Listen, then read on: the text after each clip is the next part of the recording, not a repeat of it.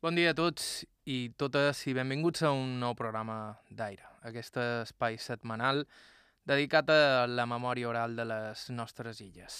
La setmana passada ens vàrem quedar per Calonja. Visca Calonja, visca Calonja lliure. Aquest és Pau Badell, escriptor, traductor, editor i sobretot calongí. Ell ha estat el nostre guia per Calonja, un petit llogaret entre Falanits i Santanyí, a Mallorca. De fet, ell és net d'un germà de Maria Baibona, la centenària protagonista del nostre programa anterior. Un programa que, ja sabeu, podeu recuperar entrant a ib3tv.com barra ràdio o bé també via podcast als serveis habituals. Amb en Pau varen quedar fa uns dies a Palma per parlar del seu poble, un indret peculiar per moltíssimes raons. Un món empetit on encara gairebé tothom es coneix i comparteix, de fet, els mateixos tres cognoms. Calonja és un llogaret, ara en pocs anys eh, s'ha duplicat la població, ara som uns 1.000, 1.100.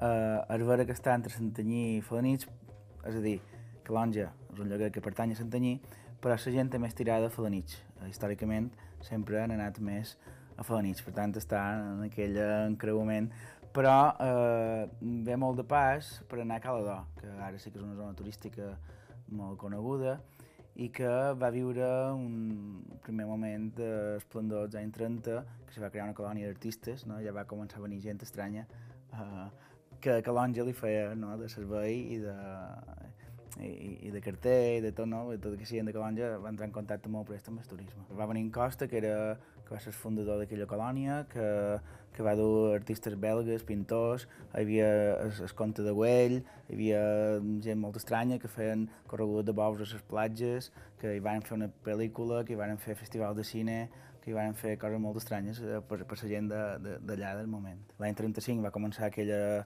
aquella idea de colònia d'artistes en què se feien les cases estil Ibicenc, eh, ja que el fundador era Ibicenc, per això encara totes les cases d'allà són blanques.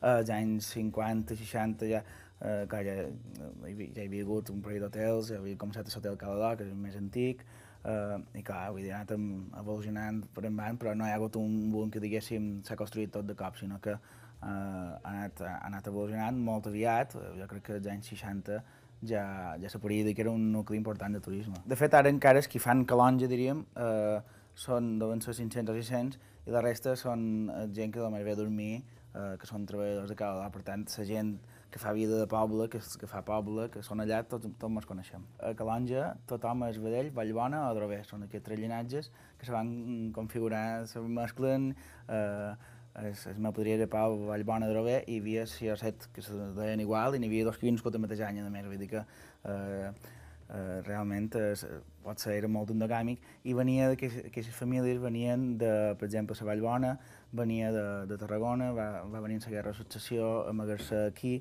que havia fet de, de procurador dels comptes de Savallà, que s'havien instal·lat a Palma i a Falanits, vull dir que té totes unes explicacions històriques. Tothom és vedell, Vallbona o Drover, i combinat de totes les maneres.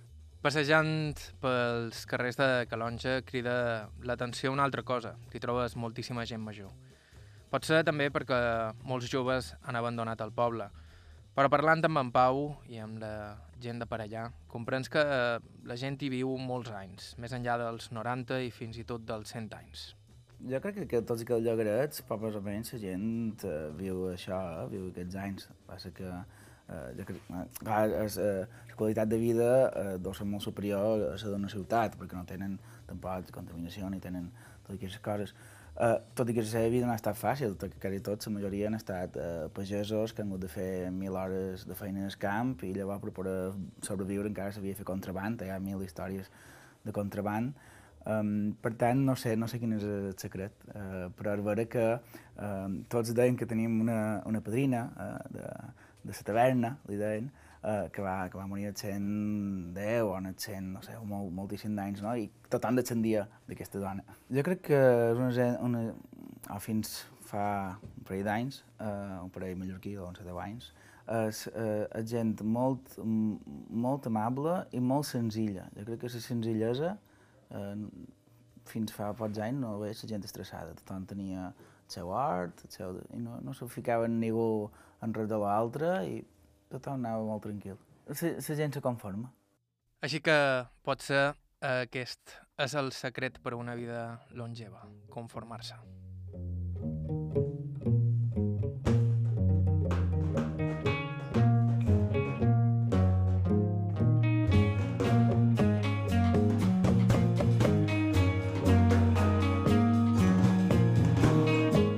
La nostra productora Margalida Mateu que Calonja és com el Japó de Mallorca, un lloc petit i allunyat on la gent viu molts anys i encara conserva la memòria d'un món que a poc a poc desapareix però que encara pots endevinar caminant pels seus carrers.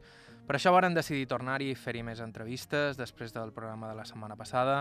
De fet, el dia que vàrem separar per primer cop, ens vàrem fixar en un homenet que caminava corbat pel carrer.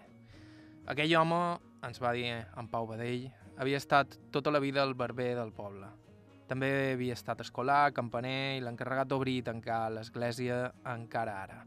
I clar, no ens podíem resistir a entrevistar-lo. Fa molt d'anys que viviu aquí. Aquí. En aquesta casa. Aquí, però ja hi havíem viscut, va, perquè aquesta casa, bueno, però d'aquí cap a davant era un, això d'aquí, cap a darrere, fer estar jo feia servir. I, I davant era de, del padrí, de son pare, de son pare, de mon pare. I, I, jo vaig néixer a una casa gitat de Sant Coné, i llavors vam estar, vam estar un parell de cases, però sempre he estat a Calonja néixer a i sempre, sempre he estat. I els vostres pares també eren d'aquí? Mon pare sí, però ma mare de Salteria. I la padrina, el, el petit també es va quedar a Salteria i mon pare també. Devia ser típic això, però... Sí, que poblets. Eh, I n'hi havia qui anava a peu a festejar a Salteria. Aleshores, mon pare, no sé si mateix ja tenia una bicicleta, que llavors la vaig reformar i va ser la meva bicicleta. Ell es diu Simó, en Simó de Can Ballana, que és com es diu la casa on ens trobam quan l'entrevistam, en un revolt que mena cap a la sortida del poble en direcció a Calador. Simón Adrover Roger. Vaig néixer dia 23 de desembre de l'any 1930. En què se dedicaven els vostres pares? A pageria jo també m'hi vaig dedicar fins a darrers, darrers pocs anys després, quan la pagesia venia un poc així, m'hi vaig dedicar un poc a la jardineria. Eh, vam, anar sempre a, a mitges, eh, perquè mon pare i ma mare van, jo vaig néixer en aquesta casa que antes coneix, els estaven enlloiats. Però de la meva vida hem estat un, un, un lloquet aquí dalt, adolava, si sempre vam anar a mitges. Ells hi posaven la terra i no hi posaven la feina. I llavors teníem la meitat de, de, de, de suit. Quan, quan començàvem a ser mal això no hi tenien res. Just a l'oja sembràvem i vivíem de, de, de, de la terra. Fèiem molt de gra i, i, i llavors engreixàvem un porc i, i fèiem les matances i vivíem així d'allà, eh, veníem a la set, perquè però, eh, van morir tres abans de jo, i llavors a darrere van tenir un, que no, no era, va tenir un, un, un derram en el cap, com va néixer i vaig quedar eh, així inútil, però vius són eh, jo i dues germanes. I vareu anar a escola molt de temps? Sí, va, va ser ja, de, vaig anar fins a 14 anys ja. Sí, el que no teníem examen així com ni, ni, ni, Sí, però hi vaig anar fins a tots els anys. I com era Calonja quan vareu néixer, quan, quan éreu petits? Uf, molt més petit que ara, sí. Sí, en aquestes hores, quan vaig néixer, no sé, però ja era més grandet i, i, i era un prop de, de 450-500 habitants. Perquè ara varen començar a venir gent i ara passar més mil, ja.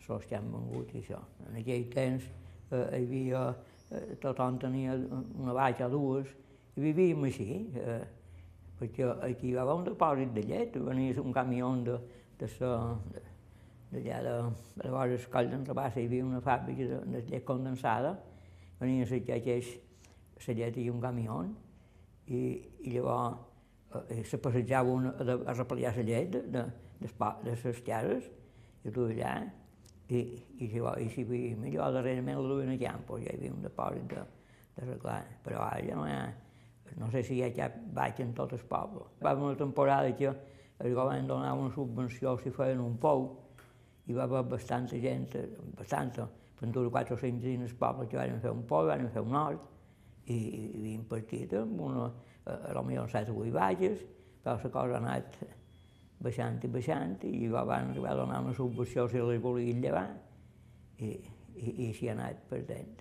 Coses d'aquell temps, en Simó va compaginar tota la vida la feina de pagès, de dilluns a divendres, en la feina de perruquer. De fet, m'explica que fins fa tres anys encara tallava els cabells als majors del poble. Deu haver tallat els cabells, de fet, els mateixos homes durant més de 60 anys. Va començar de jove, de mosset, i va passar de bar en bar del poble tallant i afaitant els seus veïns durant generacions. Hi havia un cosí que era, eh, era el mestre, i però no fèiem barber tot, tota la setmana. La, barberia, tots aquests bars dels pobles, tots tenien un barber. I la gent hi feien feina. El dissabte a la baixa, i vespre, si fins si hi hagués feina, i diumenge fins a migdia. I el dimecres a vespre també tornàvem a obrir. Però tota la setmana feien de pagès, no? Això més era uh, un afegitó. me donaven dues pessetes a, a, a, a diumenge. Per, sí. Però en aquell temps, els estiballs i afeitava li 4,50, 4 pessetes 50 cèntims, i afeitar tot sol 80 cèntims. Sí, en aquell temps hi havia gent que venia a afeitar-se només. N'hi havia que, que s'afeitaven si mateix dimecres i el diumenge. N'hi havia que se tornaven la barba 8 dies, tota, tota la setmana. Sempre n'hi va haver que s'afaitaven ells, però sí, venia gent. Jo, jo em trobava molt que, que per meva feita això i s'anava esperant, allà a la barberia que capaç d'esperar una hora, pues, i, i jo tenia tan bo de fer-me això.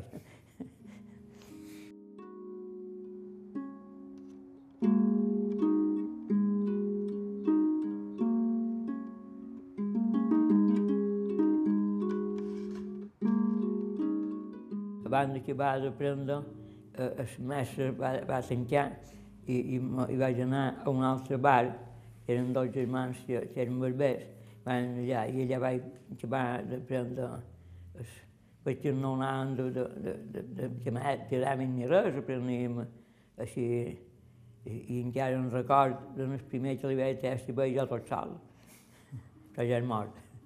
vaig dir, jo li vaig dir, no sé, sí, anirà, i, si mateix ja havia provat, no si fos així, però sense el mestre.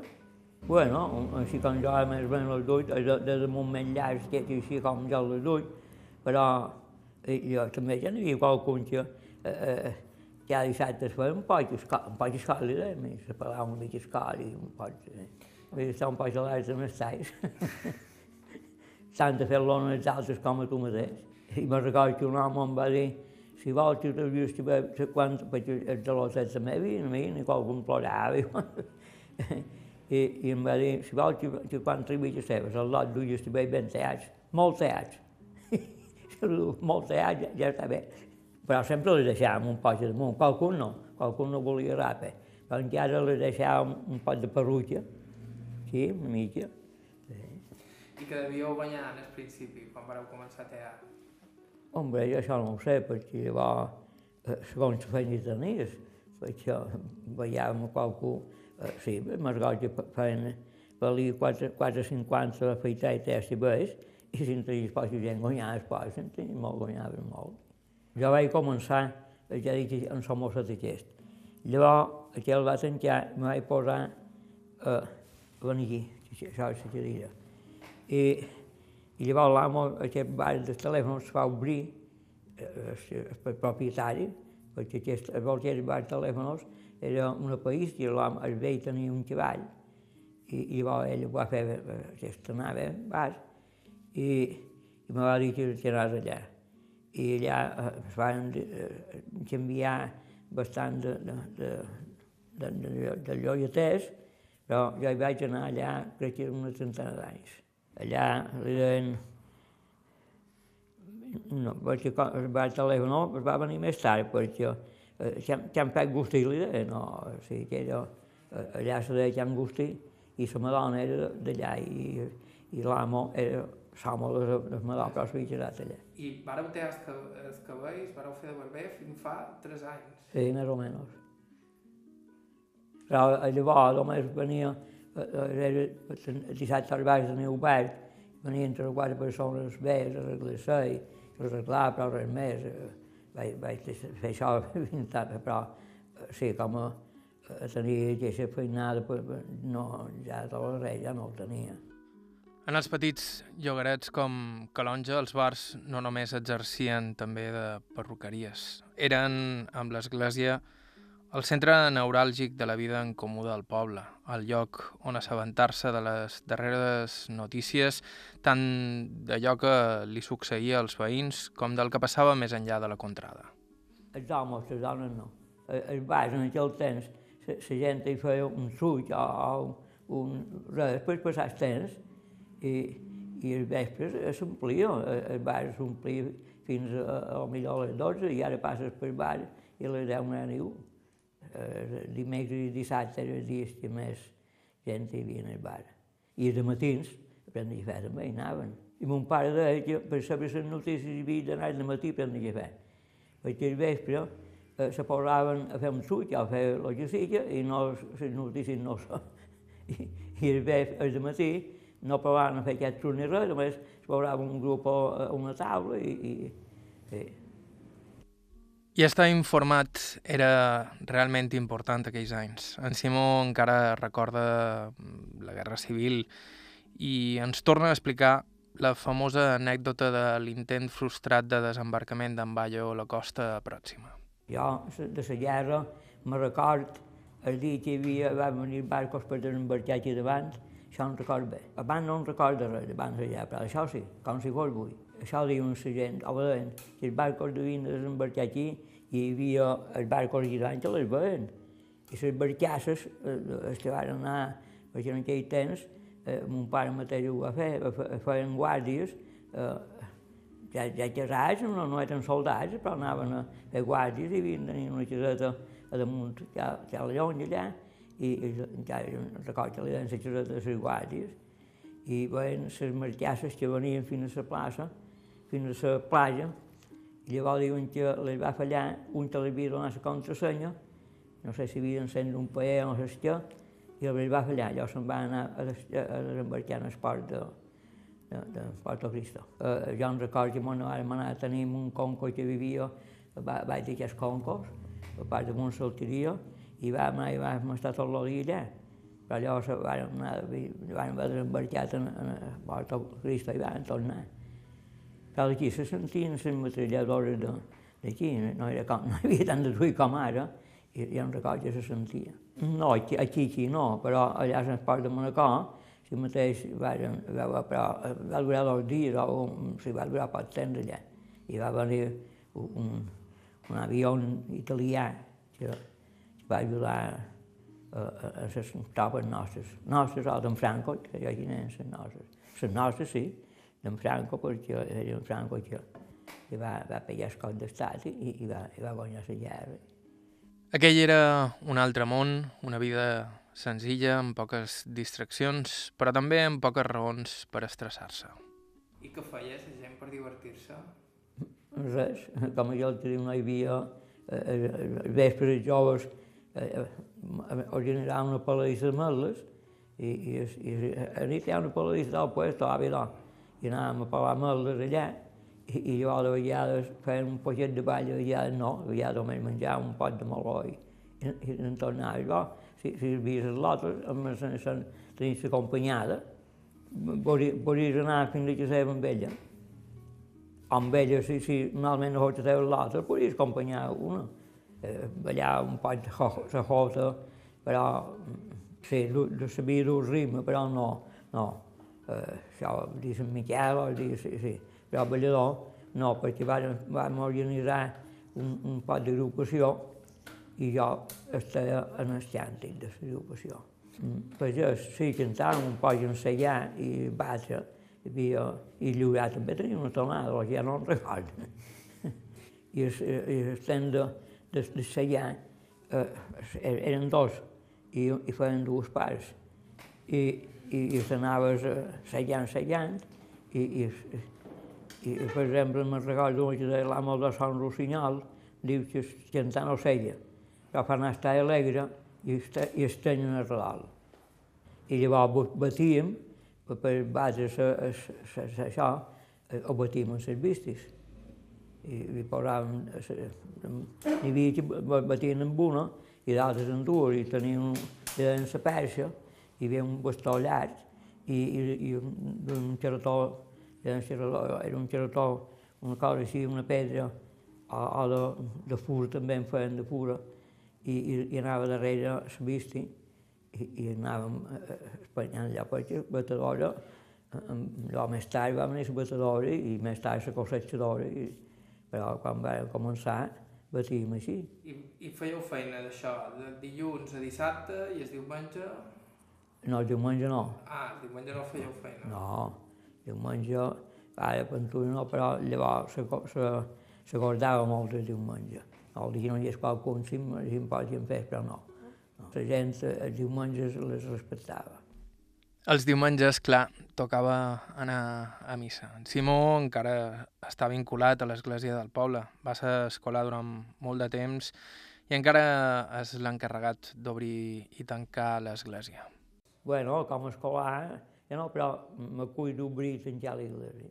I, I he estat de, de, de petit xançador d'escola de l'església també, mestre d'escolar. Perquè eh, l'escola era petit, vaig fer pintura dels 13 anys, però llavors hi havia un escolar major i l'escola nets, i, i jo l'escolar major no hi vaig fer mai, sempre anava al cor. I aquesta església la van venir l'any 1900, l'any 903, 1903. I la van, van començar i la van venir, eh, va, va durar sis anys de construcció lògia eh, a dins, eh, la, la van acabar llavors, però la van venir l'any nou, va venir el bisbe, va venir el bisbe Ximpins, me pareix que era. Pasco, el Nadal, eh, és, ara el Corpus, diríem, i, i Sant Miquel, perquè un temps hi havia Sant Josep, hi havia Sant Jaume, hi havia Eh, l'Ascensió també era festa i el Corpus també era festa, feien els dijous abans de cinc Gemma, a Pentecostés, diríem, i, i ara aquestes festes s'han llevat molt. Llavors, hi havia mitges festes que deien, que era una festa que no, no era obligació anar a missa, podies fer feina si volies fer, però la gent les aprofitava, aquestes festetes. I encara les aprofita. Calonja és un dels pocs indrets de Mallorca on encara es canten les sales i s'han conservat tradicions peculiars, com els rotllets, uns dolços que només es mengen aquells dies i que només sap preparar una dona del poble, una Joanaina de Camp Marines. No ho deim a ningú quan les feim en els rotllets. No, no comptar. Perquè en venen molts a demanar-m'ho. perquè llavors mos prendran l'ofici a nosaltres. I llavors no mos compraran els rotllets. Però això ho heu de deixar escrit o qualque banda? No, no? escrit. El tot, tot ha quedat aquí.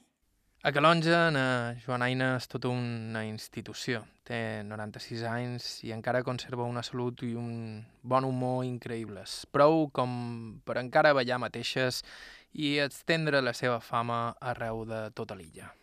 Bé, que tot Calonja ja... Tot, tot Mallorca me coneix. Ah, sí? Això. Jo no la coneixia. No ho creureu. Diumenge érem a, una festa d'un bateig. I hi havia gent de Llumajor. I ja vos coneixia? I una senyora me diu, pots ser aquella dona de 96 anys que encara balleu. I amb ella ens quedam. I continuem el nostre viatge per la memòria de Calonja, Mallorca. Fem una petita pausa aquí a Aire i continuem.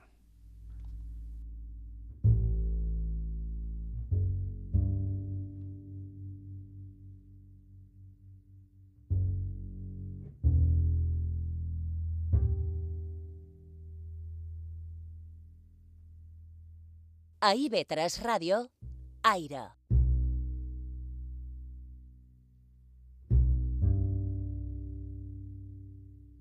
Joan Cabot. Aire.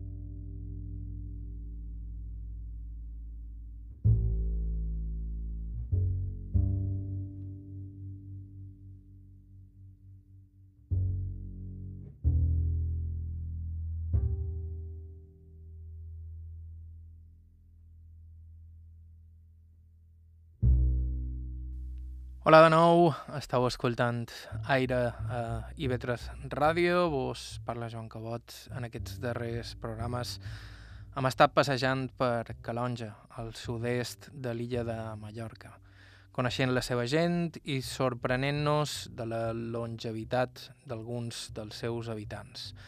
La setmana passada coneixíem Maria Baibona, 101 anys i una ment claríssima, sempre amb un somriure a la cara.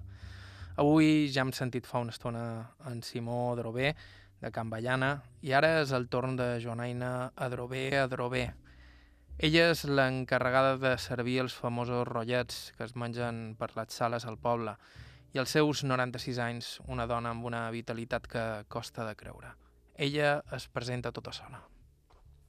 Deia, jo som Jun, Junaina, perquè n'hi ha que són Juanites i això. Jo som Junaina Adrobé Drobé. Vaig néixer l'any 21 I vareu néixer aquí a Calonja. a Calonja. I els vostres pares d'on eren? També de Calonja. Sí. També eren adrovers, adrovers, tots dos. Ah, sí? Un era Toni, Tonina i l'altre era Toni. I tots dos també tenien els cognoms... El nom de Drové, Drové. Aquí a Calonja n'hi havia moltíssim de drovers. Quasi tots. I no eren família. Aposta n'hi ha que fan un llibre per, per veure els adrovers d'on venen. Perquè n'hi ha moltíssim de drovers. I també n'hi deu dels altres, però adrovers I en què se dedicaven els vostres pares? a la pagesia. Mon pare era pagès, perquè son pare se va casar tres vegades. I de cada dona tenia fills. I, i en va tenir que ja em manaven d'un altre, que sabia mort home. I eren molts de família. I, però ell era el major. I eres el que feia de pagès. Manava les vistes i feia, conrava la terra i sembraven i, i vivien de, de lo que cuien. Llavors que no hi havia per comprar. Era allò que el que sembraven, se menjaven. Ma mare era família, també drové, drové. I, i era d'aquí, de Calonja, també. I la que sa mare se va morir molt joveneta. Ella només tenia set anys. I, i va quedar, en, que eren quatre germanes i un germà. I el germà tenia dos anyets. En aquell temps, sabeu que, que n'hi ha de diferència d'ara llavors. Uh, en aquell temps, la major se cuidava dels al·lotets i se cuidava d'aquell petitó. I ma mare la varen dur a aquest seu padrí de fons, perquè només tenia set anys i allà se cuidaven d'ella. I una tia, que era més jove, una germana, la varen d'un sos padrins, uns sos pares de sa mare. I, I una altra tia la van enllollar a Falanich. I, i estaven separadets. Era molt trista, perquè crec que se veien molt poquet. I llavors ma mare la varen, quan va ser més grandeta, ja la varen posar a una casa que, que no tenien el lot, però per fer feina. I feia feina amb aquesta gent, i tenien un hortet i anava a fer feina allà. I, i els amos, l'amo d'allà, manava la diligència. Duia, el duia a Santanyí. Duia el correu a Santanyí i esperava allà i venia llavors a hora baixa, duia, duia el correu aquí i estava llogat en aquesta casa. I li va, i va trobar un nòvio amb ma mare.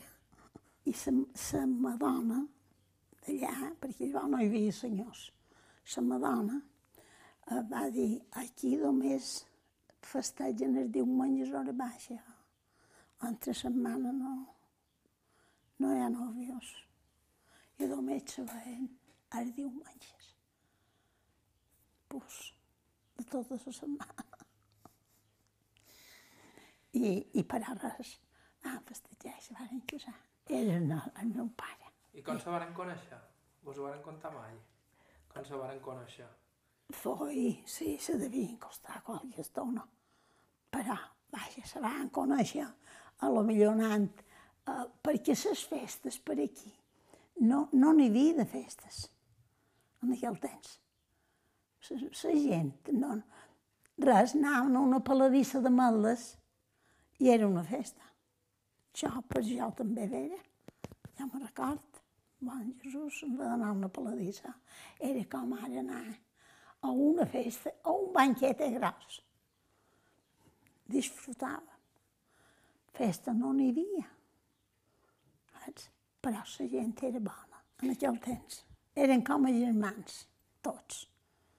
Uh, un tenia una malaltia o tenia una desgràcia, això, tot molt llestimàvem per aquella persona. Saps? Mos coneixien tant, perquè tot anàvem a missa. I a missa tot mos veiem. Ui, com estàs? Saps? I ja mos saludàvem tots. Era molt, molt diferent el món.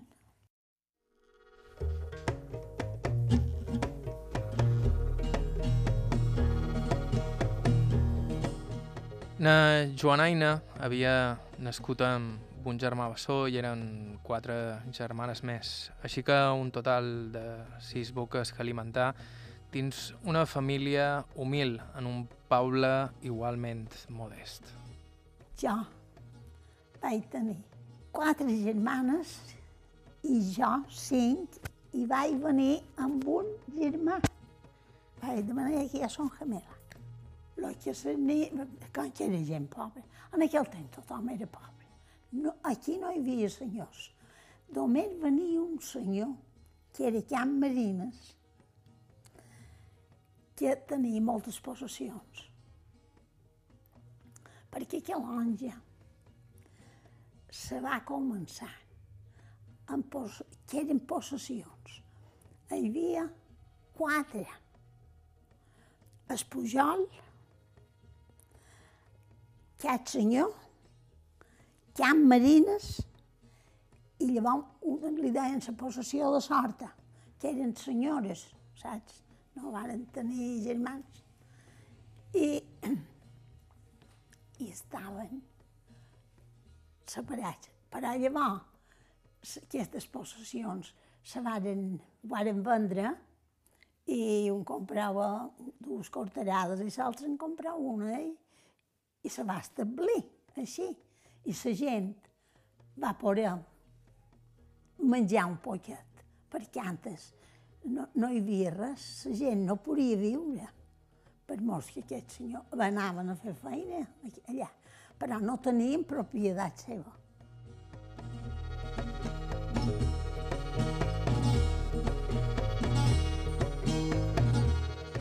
I el dia que venia el senyor de Can Marines, que m'anava un cotxe. No em havien vist mai. Tothom sortien al carrer a veure el cotxe. Jo me recorda que només hi havia un de cotxe a Calonja, que era un citroenet vermell, d'aquells que darrere quemava amb una punteta. No ho veig. Només hi havia dues personetes a davant feia una punteta darrere. Se, deien citroens. Això, Jo el vaig passar, aquell, en sentit cotxe, ja havien de guaitar. No estàvem avasats a veure, i ara ja m'ho girem a l'altra part, per 90 anys. I quan van venir els avions, sí que... Llavors, per si la fi del món. Això serà la fi del món, jo deia, encara sent numeret, que ho deia. Serà la fi del món, això. No pot ser. Un, un aparato d'aquells per estar a l'aire. Saps que era de graus, allà? Així mateix, na Joanaina va anar uns quants anys a escola, al càrrec d'un grup de monges del poble que les tenien ben vigilades. No fos cosa que se costés algun al lot. Anàvem amb una monja que no havien anat de, de estudiar, eren monges franciscanes, saps? Com si jo m'hagués fet una monja. Igual. Jo només vaig fer comptes fins a multiplicar. I, i. De, ses altres, de, de dividir i tot això ja no. I llavors escriure mos, ell mos feia una mostreta a, a la playeta i nosaltres escrivíem llavors aquella mostreta. A veure si ho feien bé. Saps? Això, això feien. I quan d'ells hi vareu anar? Jo, si mateix, hi vaig anar molt de temps, perquè que nostre, mon pare feia de caminer. Perquè en aquell temps hi havia un caminer calonja i una securia blanca. I els dos s'ajuntaven perquè en la nit feien ronda. Guardaven en la nit que, que els pastors no fessin tala en el veïnat o que no n'hi hagués qualcun que anés eh, en el veïnat a cuir qualque cosa que no era seva. Saps? Guardaven això.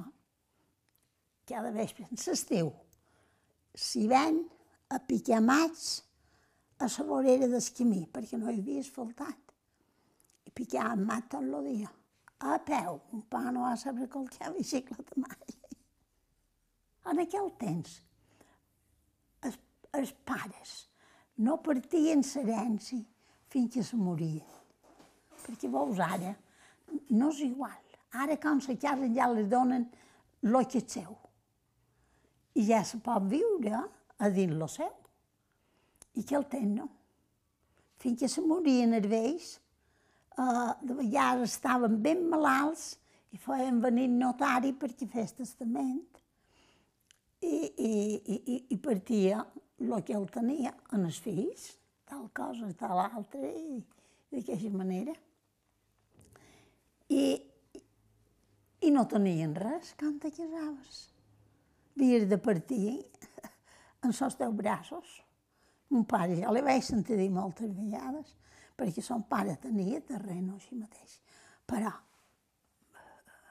se va casar tres vegades i dos, tres va tenir lots, i eren molts, i no ho va partir fins que va morir. I, i no tenia per fer, per fer feina. I, el va, i, so, I son pare era balla, i el va fer caminer. I mos deia, m'hagués estimat més quan me va fer caminer que m'hagués dat un tros de carro i un tros de somera i un càvic. I vés tant a fer feina que fer-lo caminer. Era una feina molt dura. Era una feina dura. Però fent feina eh, podíem fer per menjar. Perquè el que sembràvem ho podíem moldre, podíem fer pa, sembraven hortolissa i podíem menjar. Però si no tens terreno no hi pot fer. En un entorn tan pobre, la gent es cercava les sopes com podia i moltíssima gent del poble feia feina als vespres a l'única indústria disponible, el contraband. De fet, tota la zona és famosa pel gran nombre de secrets que amaga la seva costa. Tothom sabia què era això, tothom. La gent que, que anava a traginar, perquè el duen de, de les penyes, a lo millor el duen a, a, a Cas Concos, a Falanich, en Sossat de Montescoll. I vespre... El meu marit ho feien. això. I com ell, tots. I no sé què era, que- ara ja no en recordo què guanyaven, però guanyaven poc. Se rebentaven. I l'endemà de matí, perquè son pare no senta més, eren els primers que s'aixecaven, perquè si son pare s'hagués donat compte hauria dit de només dos vés, que són jo que vos mantenc, perquè no prenguessin mal veces. Que jo no hi vaig anar mai. No hi vareu anar. No, no m'han convidat mai. Aquest és en Simó Drové de nou. Ell també en parla del contraban al poble. Doncs jo he estat petit sempre i ara ja ho som més que l'era. I sí, és bo, no em van convidar mai. hi havia molta gent que, que traginava els vespres, no? Sí, sí. I, i, i, i li anava bé perquè guanyaven un, un dos bes, però llavors havien d'anar, però no, eh, ens venien les quantes val, havien d'anar per feina en els campos, no havien de... No, no s'havia de conèixer. I per suposat també me'n parla l'escriptor Pau Badell. Clar, hem de pensar que la vall, la finca de la vall, que abans per, eh, pertanyia tot a Santanyí, ara ja va ser divisió Santanyí i les Salines, eh, era, era d'en Marc, i en Marc era el màxim contrabandista i a més és qui controlava la duana, les barques de la duana, per tant, eh, allà contraband, qui no feia contraband no existia. Eh, tots els nostres padrins n'han fet i, i, hi ha moltíssim de secrets a la, costa, perquè és una costa que té unes roques molt, eh, molt de racons i anava molt bé per amagar, amagar contraband i el padrí te contava no? davall la ratjola de l'habitació de la padrina hi havia sac de cafè i contaven històries que els guàrdies civils els trobaven i els havia, i havien d'estar tot el vespre amb ells, sentia els carros passar per darrere unes mates i ell feia renou perquè no sentissin els carros, els altres que descarregaven, vull dir que és una zona eh, que en aquest, en aquest, en aquest sentit eh, és, és, és molt ric eh, de, de, d'històries de, de, de, fins i tot també de venjances i de coses molt estranyes. Um, tot això que apareix de pel·lícula, allà, allà va passar.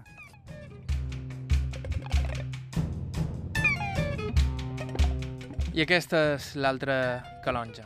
El calonja menys evident, però també real. En uns segons reprenem el relat de na Joanaina aquí a Aire. Fem una petita pausa i continuem.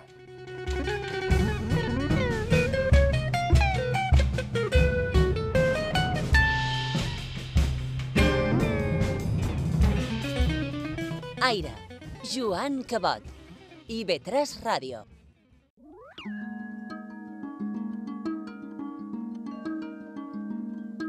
A IB3 Ràdio, Aire, amb Joan Cabot.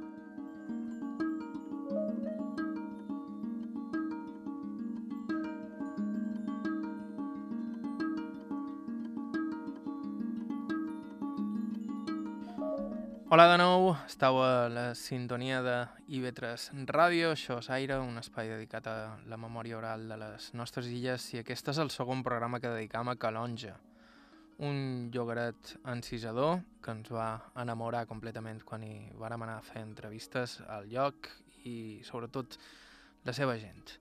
En el programa d'avui hem sentit els records de Simó Drové i de Joanaina Drové Drové, que sapiguem no són família, és només que Calonja això de compartir cognoms és bastant habitual. De fet, ella ja ens ho ha explicat abans, es va casar amb un home que compartia el primer cognom amb ella i parlant del seu home li demanen a Joanaina com es varen conèixer i com varen començar a festejar. perquè nosaltres, quan que anàvem a costureta, les monges, bé, ja teníem eh, 15 o 16 anys, uh, volien que era diumenges, anàvem a la doctrina. Cada diumenge hi havia doctrina a l'església. I tots els al·lots i nens i nines anàvem a la doctrina, ens ensenyaven oracions. I en acabat volien que anàssim en el convent.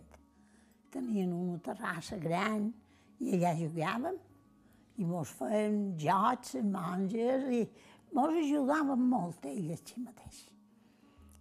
I, però, surt, quan sortíem, la veritat, ja ho crec, havia jovenets per allà, i de bromes, i, i qualcun que s'acostava i, i xerrant, i, i d'aquesta manera van fer els nòvios. I llavors, qualque diumenge, quan sortien de l'última, no anàvem a les monges. Dèiem, voleu que anem a fer una voltada? I ells mos esperaven en el cantonet, cap on prendant. I si prenien per amunt, i els venien tot una darrere, darrere. I la monja. Quan venia el diumenge que venia, ja ho sabia. Mordava uns atracos, perquè no ho volia. Era a casa les monges que havien d'estar. Per anar de nòvios. I així vos vareu conèixer. I així mos van conèixer. I I la mar de bé. el que seria el seu marit no va ser el primer lot de na Joanaina. En va tenir un altre abans, un que va morir en el front durant la Guerra Civil, una tragèdia que, òbviament, encara recorda perfectament. I el meu nòvio, ahí va estar set anys, En el front. sí, feia de coordinador d'ell. I el major no volia que se, se llicencià, se n'anàs, quan les varen mollar. No volia que se n'anàs. Li deia, tot d'un entregar de la gent, de la banda de música, perquè li agradava molt cantar. I sonar guitarra. I, I ho va dir son pare, perquè el, ell li hauria agradat. Son pare va dir, a fer feina, fora senyors per allí, I va morir en el front. al front. I on va ser que va morir? No ho sé, això no ho he sabut mai. Mai. Pintura mos ho varen dir, però això no els ho varen dir mai. No les varen enviar a por de mort mai, a ells. Ara les varen de- dir a una, una boda d'ell, si el volien, si el volien, que el duguessin. Però, i, ara ells eren falangistes. Però deien que eren els mateixos ells perquè s'havien havien adelantat en el frente i els, els dels seus estaven més enrere, pensant que eren els contraris, varen tirar i ho varen, varen ferir els seus. Varen matar molta de gent, des de luego. Això. Per aquí ja no sé. De sort també n'hi va haver un o dos que em van matar. Aquí només aquells. Tothom patia per això.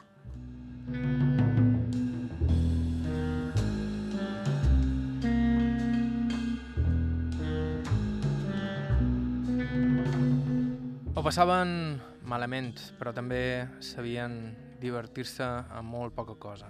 La Joanaina és balladora de mena, de fet encara balla mateixes, aquest estil de ball de bot que encara s'usa tant per aquella contrada.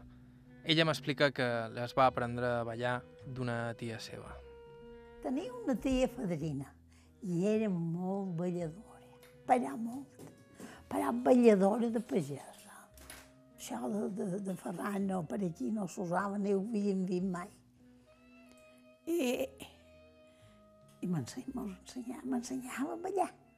Ballar, ballaven ja i ella, ja anava, estava molt amb ella, feia nom per ella. Era una germana de ma mare. I, i anava molt a romandre amb ella. I de vegades convidava un cosí seu que sabia sonar guitarra. I, feia, i ballàvem. I això era el nostre divertiment. I prenien de ballar. I llavors amb amigues també. El, el ballàvem. I llavors anant als balls, eh, hi havia joves que mos venien a dir, vol ballar? Perquè en aquell temps en cantaven les mateixes. Saps? Les tres mateixes que venen a la una, saps? I ja deien el que valia. Tres peces o dues o... I, i, i mos venien a demanar per ballar i ballàvem. Perquè una mateixa, allà, llavors eren mateixes i cotes. Una cota és una que la fan voltant, voltant, i llavors fan el pevet. I les mateixes són unes que fan per llarg, així. Rossegueta, rossegueta, i quan se posen a cantar, fan els ravals i parteixen cap allà. I llavors allà tornen a fer revolt. Ai, són molt guapes, les pageses. Ja m'agradava molt.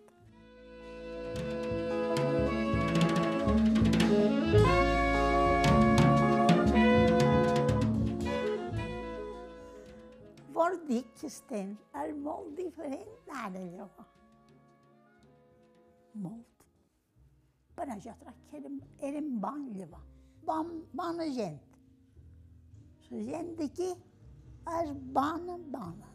És que molt brevetge, no? Voldríeu veure Molt brevetge.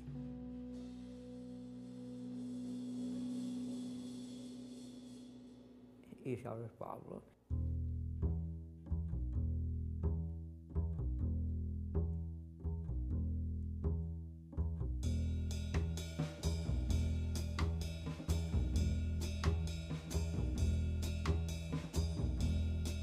I fins aquí el programa d'avui. Gràcies a Simó Drové, a Pau Badella, a Joan Aina, Drové, a Drové, pel seu temps i la seva amabilitat. Nosaltres tornem la setmana que ve amb un nou programa d'aire. Estan preparant nova temporada per després de l'estiu, així que si coneixeu gent amb històries de vida que cregueu que ens puguin interessar, podeu contactar amb nosaltres per correu a aire.ib3radio.com o bé a través d'alguna de les nostres xarxes socials, a Facebook Aire IB3, a Instagram Aire barra baixa IB3 i estarem encantats de rebre els vostres missatges. Podeu sentir els programes anteriors a ib3tv.com barra ràdio, bé via podcast subscrivint-vos a iTunes, Google Play, a qualsevol altre servei similar. Però recordam que alguns dels materials d'aquest programa formen part dels fons dels arxius del so i l'imatge dels Consells de Menorca, Eivissa i Formentera i de l'Arxiu Oral de Mallorca de la Fundació Mallorca Literària Consell de Mallorca. Bàrbara Ferrer i Margalida Mateu s'encarreguen de la producció executiva, les entrevistes les enregistram amb l'assistència de Jordi Pol, Miqui Fiola, la producció tècnica, us ha parlat Joan Cabot, fins la setmana que ve.